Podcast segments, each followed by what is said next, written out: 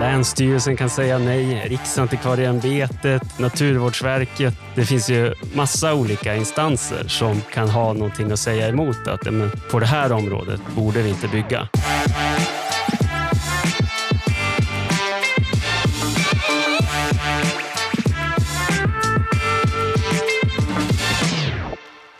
Du lyssnar på Ekonomerna med mig, John Norell och Jakob Lundberg. Hur är läget Jakob? Jo då, det är bra. Hur Det är är, det med dig? Jo, men det är fint. Det är fint. Ehm, känner du igen den här låten?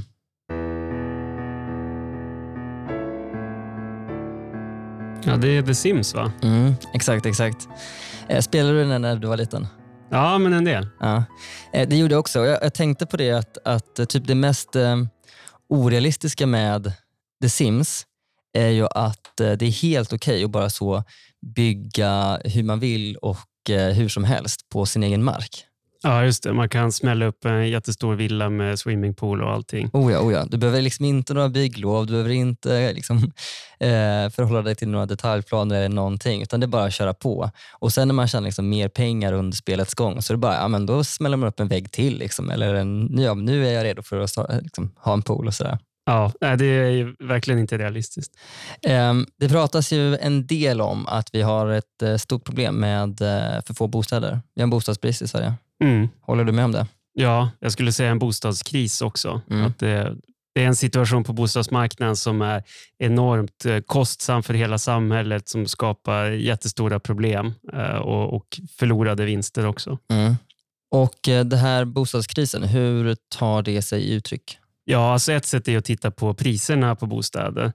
Eh, Och då har ju under 2000-talet så på villor så har de blivit nästan tre gånger så dyra Mm. utöver inflation. Då. Alltså I reala termer så kostar det nästan tre gånger så mycket idag att köpa en villa som det gjorde för 20 år sedan. Eh, Och bostadsrätten har ju gått upp ännu mer. Det, då pratar vi en fyrdubbling. Mm. Eh, Det har ju gått ner lite grann Eh, nu i år på grund av högre inflation och högre räntor och sådär. Men det är ju bara tillbaka på kanske 2020 års eh, siffror. Så att eh, över en långtidsperiod så är det ju väldigt kraftiga ökningar av bostadspriserna. Mm. Och på hyresmarknaden har vi också enorma problem. Ja, där är det ju reglerat så då, då ser man istället att det blir längre och längre köer. Det är inte så Exakt. att hyrorna sticker iväg, åtminstone inte för de lite äldre lägenheterna. Eh, utan då måste man ju köa istället längre eller att det blir bara i allmänhet svårare att få tag i en lägenhet. Eh, I Stockholm är snittkötiden nu nio år till exempel. Till en lägenhet. Och då är det Stockholm, eh, större region. Liksom. Det är inte Stockholm, det är inte Gamla stan. Det är, Nej, nej, det är där- långt mycket mer. Ja, då pratar vi Decennier. många decennier. Ja, precis. Um, så att, eh, och, och det är också kötider som har ökat över tid.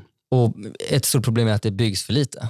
Ja, alltså det som har hänt är att eh, de senaste decennierna så Sveriges befolkning har ökat. Eh, fler flyttar in till storstäderna, mer intressant att bo i Stockholm och Göteborg och så vidare. Mm. Eh, samtidigt som folk har fått mer pengar, eh, inkomsterna har ökat och räntorna har gått ner också så att man har ju liksom haft råd att köpa mer bostäder. Så att efterfrågan på bostäder har ju ökat väldigt mycket. Eh, men för att prata nationalekonomiska termer så har ju inte utbudet hängt med. Utan det har ju varit alldeles för lågt bostadsbyggande i förhållande till behovet, i förhållande till vilka bostäder som folk vill ha och, och är beredda att betala för. Mm. Men med begränsningen är inte marken. Det är inte så att det, vi saknar mark att bygga på. Nej, det är väl ganska uppenbart. Alltså 97 procent av Sveriges yta är obebyggd.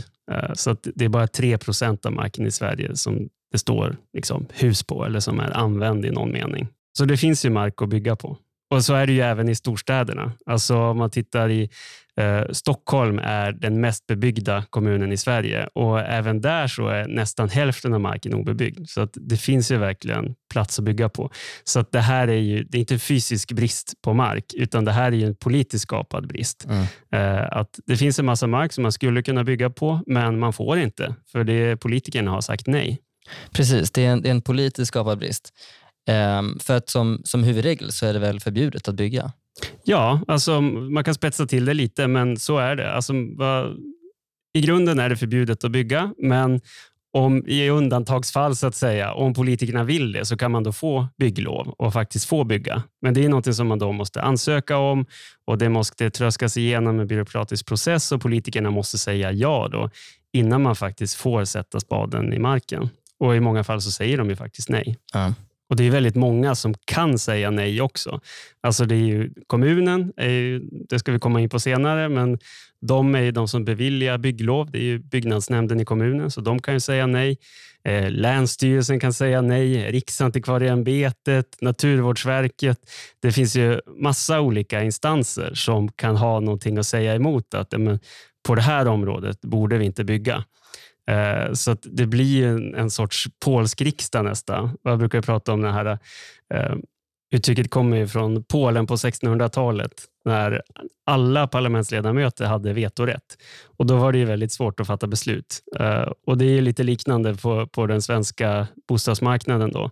Mm. Uh, att man har liksom mer goda intentioner. Det handlar om att man ska inte utsättas för buller eller vi ska skydda stränder eller vi ska skydda naturen. Ja. Uh, och Då har man skapat en massa såna här... Riksintressen? Ja, riksintressen och strandskydd och allt vad det är. Massa olika anledningar till att man kan säga nej. Och Det här läggs då på varandra eh, och till slut så blir det väldigt svårt att bygga någonting. Särskilt på de ställen där folk faktiskt vill bygga, alltså nära större städer. Eh, och Då har vi hamnat i det läge vi har nu, när det är extremt höga priser, folk har knappt råd att köpa en bostad på många ställen, väldigt långa köer till, till hyresrätter också. Precis, byggande till människor, bostäder åt människor, det betraktas inte som någon typ av riksintresse. Så att då kommer det i andra hand så att säga. Ja, precis. Det verkar alltid vara eh, längst ner på listan.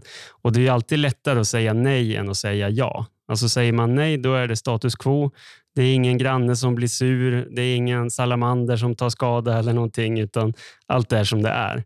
Eh, så att i debatten blir det ofta så att ja, men, utgångspunkten är att vi ska inte bygga någonting överhuvudtaget. Och sen då, ja, men om vi ska bygga någonting, då, då är det den som vill bygga som ska argumentera för det. Och så ska man då visa att ja, men det här kommer inte skada miljön och det kommer inte skapa massa mer trafik och buller och jada jada.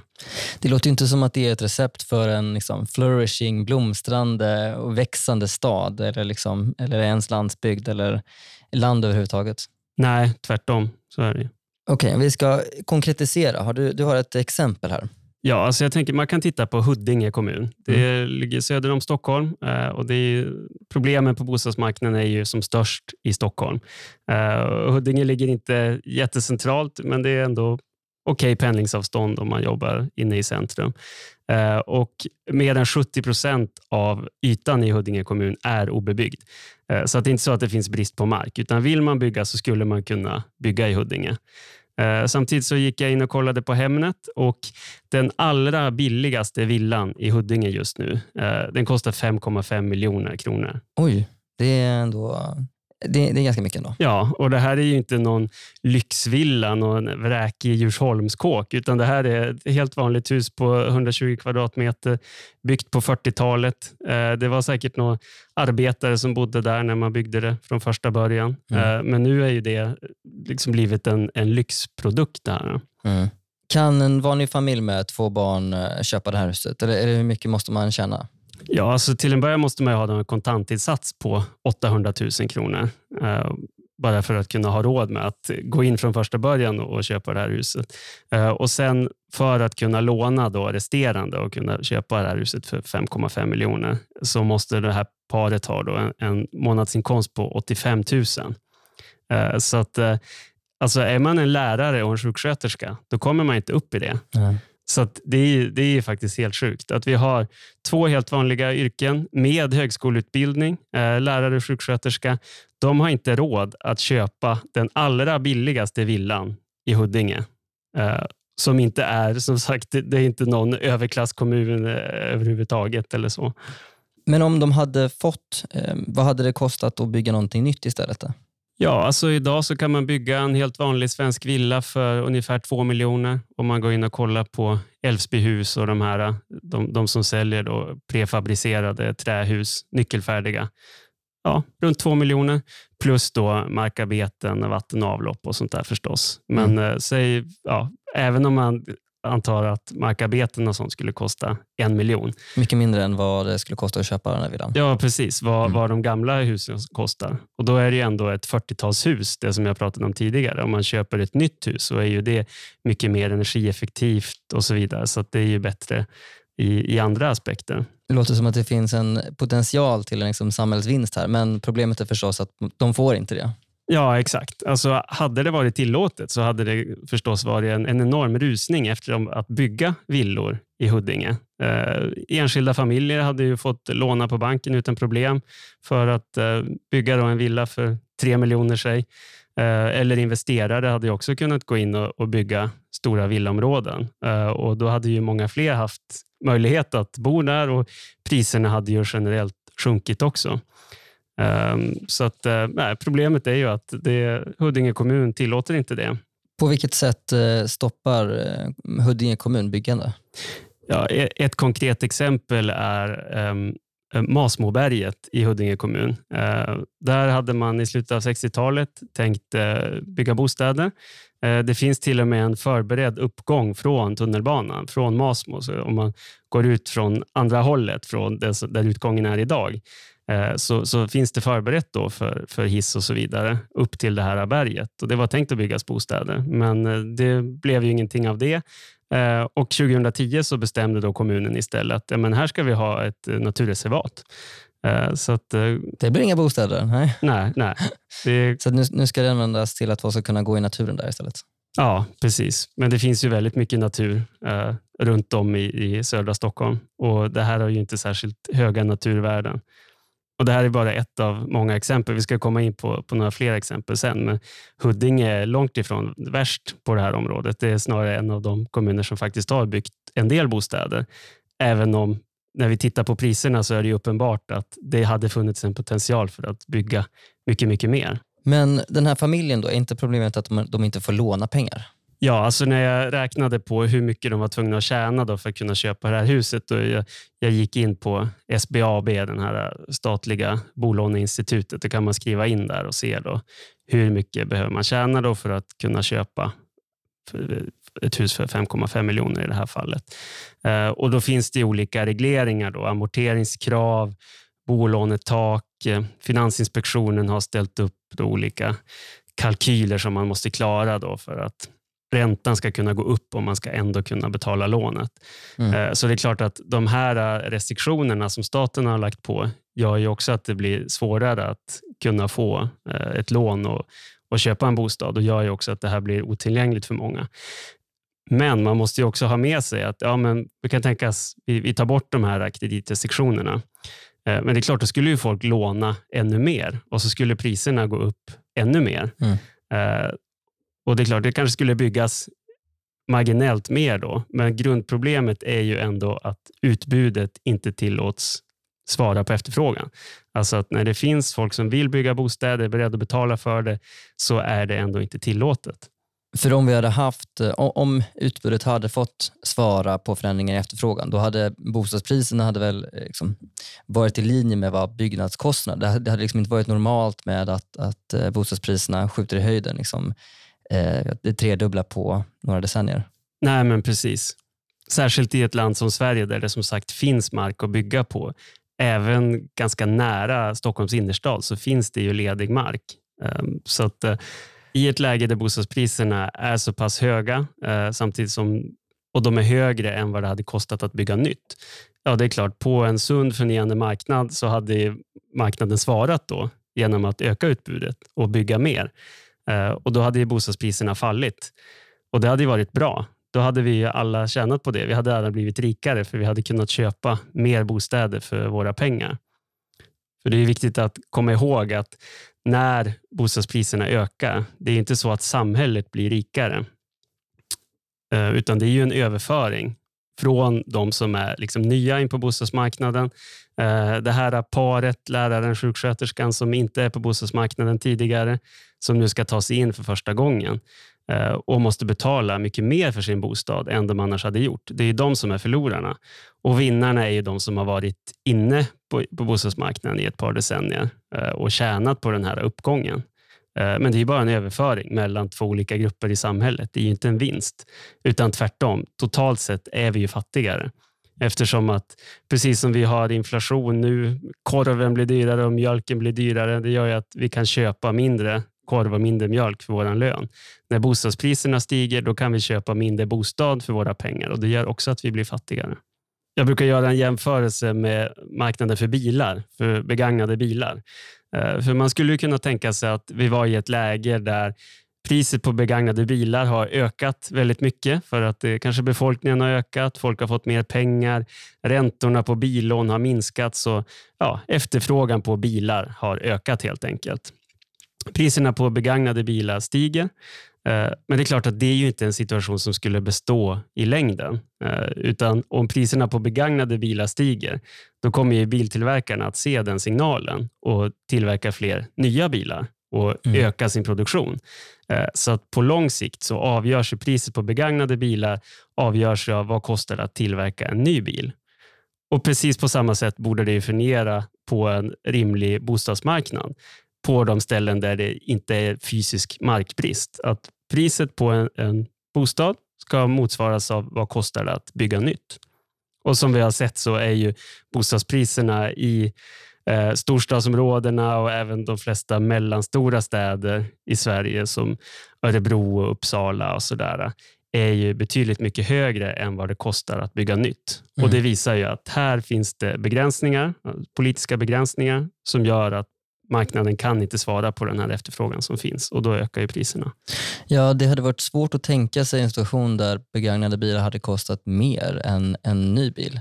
Men en, en begagnad bostad, ja men det är väl inte så konstigt tänker vi, att, det, att de kostar mycket mer än vad det skulle kosta att bygga nytt. Just eftersom att vi tänker att det, det man, man betalar för det är någonting annat, liksom location. Men eh, om det inte finns någon markbrist så är det jättekonstigt att, att, eh, att, att det tillåts trycka upp priset. Ja, ja. ja det är klart, eh, bostadsrätter på Strandvägen på Östermalm, de kommer alltid vara dyra. För där finns det ju faktiskt en fysisk markbrist. Ja, väldigt tydligt. Ja. Ja, men det är ändå undantaget. Alltså om, vi, om vi börjar titta bara lite längre ut från stadskärnorna så finns det ju ledig mark i de allra flesta fall. Uh, och som sagt, uh, även i Stockholms stad så är ungefär hälften av marken obebyggd. Och I de flesta kommuner är det ju betydligt lägre. Så det, det, det, finns mark att bygga på om mm. det bara hade varit tillåtet. Och Det handlar inte bara om bostäder. Eh, alltså det handlar om när ekonomin växer, befolkningen växer, fler flyttar till större städer, finns det behov av handelsområden, logistikcentrum, industriområden, allt möjligt. Eh, och om då eh, politikernas byggbegränsningar lägger en våt filt över sånt byggande, då drabbar det ju hela ekonomin också. Vi får lägre löner och högre priser. Det blir ju liksom en stopp för den ekonomiska utvecklingen och det är också ett, ett jätteproblem som bland annat Stockholms handelskammare har pekat på. Mm, du sa ju det att det är kommunerna som ja, främst är de som sätter käpparna i hjulet. Ja, det skulle jag säga. Uh, och Det beror på uh, något som heter kommunala planmonopolet. Mm. Uh, och det är, ja, kommunerna har monopol på att ta fram detaljplaner, översiktsplaner. De ska liksom ja, planera bebyggelsen. Ehm, och Det här var något som infördes 1947 av Socialdemokraterna. var en del av det här efterkrigsprogrammet. Det var ju väldigt mycket i linje med den här tidsandan. Att om bara politiker och byråkrater får sätta sig ner och planera samhället ovanifrån, då kommer allting att bli så bra och vi, vi kommer se att man kan koordinera olika saker och sådär. Ehm, men ja, oavsett vad som var syftet från början så kan vi se att effekten av planmonopolet nu är framförallt att bara agera bromskloss för byggande. I och med att det enda politikerna kan göra är att säga nej. Om någon kommer och vill bygga någonstans så de kan säga nej, det får du inte göra. De kan inte beordra någon att bygga. De kan inte gå till ett byggbolag och säga ni måste bygga här. Deras enda makt är att stoppa saker. Och det är klart, då blir det mindre byggande än annars. Mm. För då om man vill bygga, om jag kommer med en, här är min, liksom, jag skulle vilja bygga det här huset eller eh, ja, eh, det här området eller eh, ja, bygga till min, en bastu på min tomt eller något sånt där. Och så kommer jag till kommunen och då säger de, mm, är det här i detaljplanen? Eller? Ja, precis. Då har ju de bestämt detaljplanen när det gäller då tätorter i regel. Ja. Eh, för att som nu för tiden oftast är väldigt detaljerade. Det kan ju vara in till liksom färgen på husen och hur stuprören ska se ut och sådär. Och om då min plan är i linje med detaljplanen, då får jag ansöka om bygglov. Men om det inte är det, då måste, då måste de- detaljplanen ändras. Ja, men precis. Mm. Och då, det, då måste man blanda in politiker så att säga. Ja, det är politikerna som är inblandade oavsett. Det är, det är de som beviljar. Även i bevilja. Ja. Det är inte tjänstemän som eh, sätter stämpeln. Liksom. Nej. Ja, det kan ju delegeras till tjänstemän i, i vissa fall, men det är, det är ett politiskt beslut i grunden. Mm. Och Problemet med att det är just ett politiskt beslut är ju då, ja, men det är politiker som sitter i byggnadsnämnden. De är valda av väljarna i sin egen kommun. Eh, Och Det tror jag alla vet som är med i sin lokala Facebookgrupp, att det här med att bygga upp nya hus, det är väldigt sällan inte så en populärt, nej. valvinnare. Nej. Eh, Det finns det här begreppet NIMBY, not in my backyard. Eh, För det är klart att de, de som bor där i närheten, de tycker att allt är bra som det är. Eh, De vill inte ha massa trafik och, och kanske mer buller, att någon tar skugga och någon eh, stjäl av deras grönområden. Nej. Eh, Om man ska vara lite mer cynisk så vill de ju gärna hålla uppe priserna på sina egna bostäder också. Och det görs genom att man förhindrar byggande av nya bostäder i området. Ja, Mm. exakt. Det är väldigt basic nationalekonomi. De begränsar utbudet av bostäder och det får då effekten att priserna på deras egna bostäder stiger. Mm. Eh, vilket jag tycker är väldigt upprörande att, att de har den möjligheten. Eh, så att här har vi ju ett, ett väldigt stort politiskt problem eh, där de som är motståndare till byggande, de är väldigt eh, välorganiserade, högljudda. Eh, de når fram till politikerna, politikerna lyssnar på dem. Eh, samtidigt har vi de som skulle kunna tjäna på byggande. Eh, de som kanske bor i en annan kommun. Eh, de vet inte ens om att om man hade byggt någonting på den här eh, markplätten, då hade de kunnat bo där. Eh, Det är ju en mycket mer diffus grupp, så att de är ju väldigt sällan organiserade i Nej. Facebookgrupper och står och demonstrerar och säger här vill vi bygga bostäder. För om det byggs bostäder här så vill vi flytta in här om fem år. Det, det finns ju inte alls samma politiska logik där. Nej, De har, inte, de har inte lika mycket incitament att försöka lobba mot politiker liksom, eller försöka lyfta den punkten helt enkelt. Nej, men exakt. Är det bara genom eh, den politiska processen eller är det också genom eh, att man kan överklaga eh, bygglov också? Ja, det finns ju massa olika begränsningar inbyggt i det här. Att, ja, i, I många fall så får man ju inte bygga överhuvudtaget och i andra fall så är det ju att ja, man får bygga, men det tar väldigt lång tid att få bygglov. Ja, på grund av att grannarna har ju rätt att överklaga och kan ju dra det igenom ganska många instanser. Eh, Så det, det skapar ju kostnader och förseningar förstås också. Precis. Och Det innebär också högre byggkostnader. Ja, men exakt. Mm, du nämnde ju Huddinge som eh, ett, ett exempel. Nu blir det kanske lite eh, Stockholmscentrerat, men det är ju det här som problemen är som allra störst. Men har du några fler exempel på um, platser där man kan bygga, men där det bara stoppas just nu? Ja, jag har, fyra sådana exempel Mm. eh, som vi går igenom dem i tur och ordning. Då. Eh, den första jag tittat på är eh, Kymlinge som ligger i eh, norra Sundbyberg. Eh, och där hade man tänkt att bygga bostäder, eh, lite déjà vu, på 70-talet. Och där hade man då till och med förberett en hel tunnelbanestation som skulle ha hetat Kymlinge då, på, på blå linjen. Så att, jag har faktiskt varit där och kollat. Den ligger mitt ute i skogen där i, i ett naturreservat då, i norra Sundbyberg. Just det, tunnelbanan åker förbi, men den stannar inte. Ja, och man det- bränner förbi eh, platsen. Mm. Ja, och det är väldigt tydligt att det här var tänkt att vara en tunnelbanestation. Det är liksom förberett perronger och allting, men det är helt oanvänt. Eh, Så det är ju ett enormt slöseri där. Eh, Så, ja, det var tänkt att bebyggas med bostäder från början, men det blev ingenting av det uppenbarligen. Och Sen valde man då istället 2004 att bilda ett naturreservat här. Eh, Och Huvudskälet till att man bildade ett naturreservat här var att skydda då grönlingen som är en fisk okej. Mm. Ja, det är en fisk som simmar i Igelbäcken som rinner genom det här naturreservatet. Då. Och den Och- finns bara i Sverige såklart? Då? Grönlingen finns i hela Europa. Den är inte utrotningshotad överhuvudtaget. Utan Mm. det, det finns en sån här skala för hur utrotningshotade är arter. Ja. Och Den här är så lite utrotningshotad som den kan vara. Alltså den kallas livskraftig eller least concern. Så det finns liksom ingen fara överhuvudtaget med den här fisken. Men det anses ändå vara... Är den jättesnygg eller liksom vacker att titta på? Nej, jag gick in och kollade på Wikipedia. Det var ingen fin fisk. där. Det var lite ful fisk. hur, mycket, hur många potentiella bostäder skulle man kunna liksom lösa där? Hur man skulle kunna bo i, i Kymlinge? Eh, jag räknar med ungefär 15 000.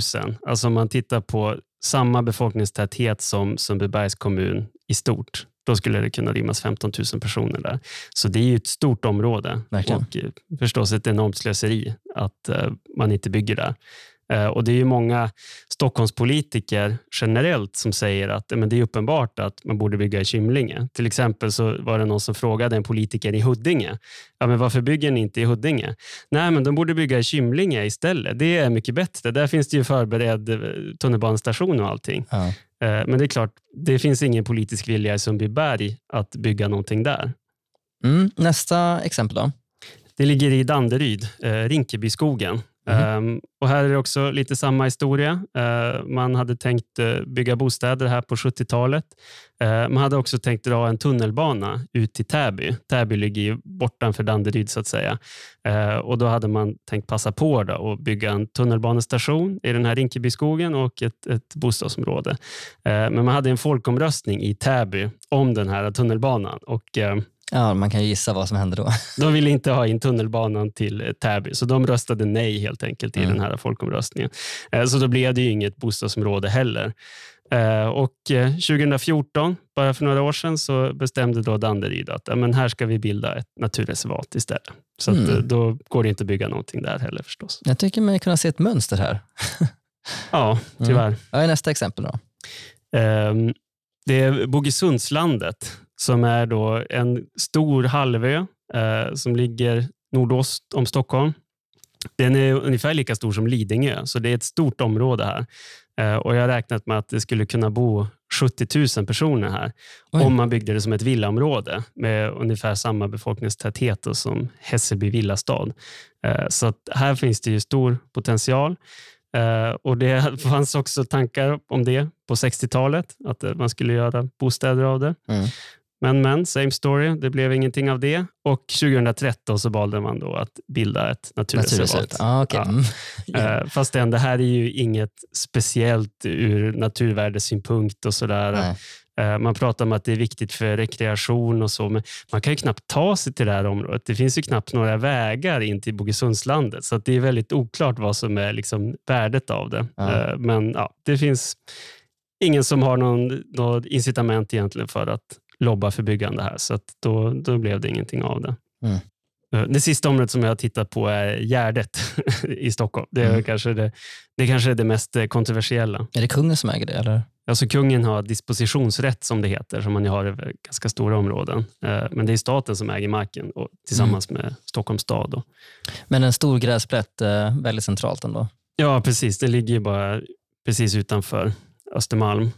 Och här fanns det också tankar kring sekelskiftet, att man skulle bygga då, ja, förstora kvarterstaden, förlänga Strandvägen, bygga trevlig stad med sekelskifteshus då, uppenbarligen och, och insprängda parker och så vidare. Eh, Men eh, Det låter trevligt. Ja, men idag är det istället en, en gräsmatta som är ganska så lerig stora delar av året eh, Ja. och som ju dessutom ligger ganska nära Djurgården som är ett mycket trevligare område rakt söderut dit man ju skulle kunna gå om man vill eh, rasta hunden eller något sånt där. Ja, jag vet inte, jag, jag har dålig koll på Gärdet. Jag vet inte ens om jag varit där. Men är det typ festival och grejer? Eller vad, gör folk på den platsen? Solar på sommaren kanske? Ja, folk verkar mest bara gå runt. Ja. Och hur många skulle kunna bo där då? Eh, om Gärdet hade samma befolkningstäthet som Vasastan, alltså som man, man bygger en sån kvarterstad helt enkelt. Man skulle kunna bygga i sekelskiftesstil om det är så, bara så att man vill det. Mm. Eh, och Då skulle man kunna rymma 40 000 invånare där. Mm. Så det är också ganska stor potential. Men det är politikerna som säger nej generellt. Ja, vi ser ju det i alla de här fem exemplen som jag har dragit nu på, från olika delar av Stockholm. Att eh, det, I de flesta fall är det ju kommunen som har satt stopp då, genom att bilda naturreservat. Eh, men när det gäller Gärdet så har man ju då bildat en så kallad nationalstadspark. Så att det var på 90-talet beslutade då riksdagen att det här ska vara en, en nationalpark fast i en stad, så att då en nationalstadspark. Och Det gör ju också att det är i princip omöjligt att bygga någonting inom det här området. Mm. Och När det gäller eh, Bogesundslandet så är det också naturreservat, men det var då Länsstyrelsen som fattade det beslutet. Så att det är ju, ja, på olika sätt så är det ju statliga, eller kommunala eller politiska beslut som har satt stopp för det här utan att se helhetsbilden. Att Stockholm är en växande stad. Det är många som vill bo här. Vi har enorma bostadsköer. Eh, Bostadspriser som sticker iväg något enormt som gör att helt vanliga familjer med helt vanliga löner kan inte köpa en vanlig villa som man ju kunde för ett par decennier sedan, mm. men som nu har blivit omöjligt på grund av att priserna har stuckit iväg så mycket. Det är klart att det finns ju många intressen att väga emot varandra. Alltså det är inte som att eh, naturvärden inte har ett, ett värde. Liksom, eller att, eh, alltså alla de här riksintressena är ju såklart viktiga, men, men vi kanske har liksom, pendeln har gått för långt åt det hållet. Eh, eh eller vad tänker du där? Ja, verkligen. Alltså, särskilt när man ser att i takt med att befolkningen växer, behovet av bostäder ökar, så skyddar man mer och mer områden istället. Man bildar fler och fler naturreservat. Man skapar nationalstadsparken. Mm. Så att just i det läge på de platser där det skulle behövas fler bostäder så sätter man istället stopp. Eh, det är lite som att man tycker att Stockholm ska stelna i den form den hade 1990. Att det var så, ja, men då har vi byggt så mycket som man kan bygga och vi ska absolut inte få ta någon mer mark i anspråk. Eh, för om man tittar på de bostadsområden som har byggts sedan dess, eh, Hammarby sjöstad till exempel, så är det oftast mark som är då bebyggd sedan tidigare, industriområden eller sådär, mm. som man sedan gör om till bostäder, ofta då till ganska höga kostnader. Eh, men vi ser ju i princip inte alls att man tar ny mark i anspråk. Att det finns liksom grönområden eller oanvänd mark som man faktiskt bebygger. Mm, nu har vi pratat mycket om naturreservat och sådär, men det är ju inte, det, det är inte för att vi har miljöpartistiska politiker i de här kommunerna, det är ju alla, eh, politiker från alla partierna som, som eh, hindrar byggande. Ja, precis. Alltså, inte minst eh, välmående moderatstyrda förortskommuner som ja. Danderyd, och Lidingö och Täby har ju, är ju bland de sämsta i klassen måste man ju säga när det gäller att tillåta byggande. Vad eh, tänker du att man ska göra åt detta? Vad är det för policyförslag som borde genomföras? Ja, så det viktigaste skulle jag säga är att avskaffa det kommunala planmonopolet. Att politikerna ska inte ha den här makten att säga nej till byggande, utan här måste äganderätten vara det som kommer i första hand. Om jag äger en bit mark så ska jag bestämma vad som ska byggas där inom någon sorts rimlighetens gränser förstås. Men politikerna ska inte kunna säga nej bara för att grannarna klagar eller för att man generellt sett tycker att den här kommunen är färdigbyggd, som Danderyds politiker har uttryckt sig till exempel. Eh, så det skulle jag säga är det första. Att I och med kommunala planmonopolet, här finns det ett systemfel som gör att det byggs alldeles för lite bostäder ur ett nationellt perspektiv. Eh, så det här systemet funkar liksom inte längre. Så lite mer som The Sims, liksom. att man, man kan få bygga, bygga själv hur man, hur man vill bo? Ja, precis. Och så såg det också ut till största delen innan man införde det kommunala planmonopolet i mitten av 1900-talet. Sen ehm, sen det är klart, det finns många andra problem också. Det kommer vi säkert kunna komma tillbaka till i flera avsnitt av den här podden. Ehm, men som sagt, på statlig nivå, det finns riksintressen, bullerregler, strandskydd, allt sånt där. Ehm, det finns olika regler för byggandet, väldigt detaljerade regler för hur en lägenhet ska vara utformad och så vidare. Tillgänglighetsanpassning för personer med funktionsnedsättning och så vidare. Det finns mycket huvudbry på bostadsmarknaden att, uh, som vi definitivt måste ägna fler poddar åt. Ja, mm. verkligen. För den som vill lära sig mer eller läsa om, om detta, om eh, det kommunala planmonopolet, har du något tips? Ja, jag har skrivit en uh, artikel i Timbros nättidning Smedjan eh, där rubriken är “Bostadsbristen är politikernas fel”. Eh, så det kan man googla bara så kan man få fram. Då kan man också se en karta över de här områdena som jag pratade nu om i Danderyd och Gärdet och så vidare. Mm. Eh, vi har också skrivit ett par rapporter från Timbros sida där vi går in lite mer konkret i hur skulle man kunna göra för att ta bort det kommunala planmonopolet. Och Den finns att läsa på timbro.se bostaden. Du har lyssnat på Ekonomerna med mig, John Norell och Jakob Lundberg. Ekonomerna är en podd från tankesmedjan Timbro och kommer ut varje torsdag. Prenumerera på oss i din poddapp och tipsa om podden för dina vänner och bekanta. Och följ oss även på sociala medier. Där heter vi Ekonomerna podd på Twitter och Instagram. Tack för att du har lyssnat.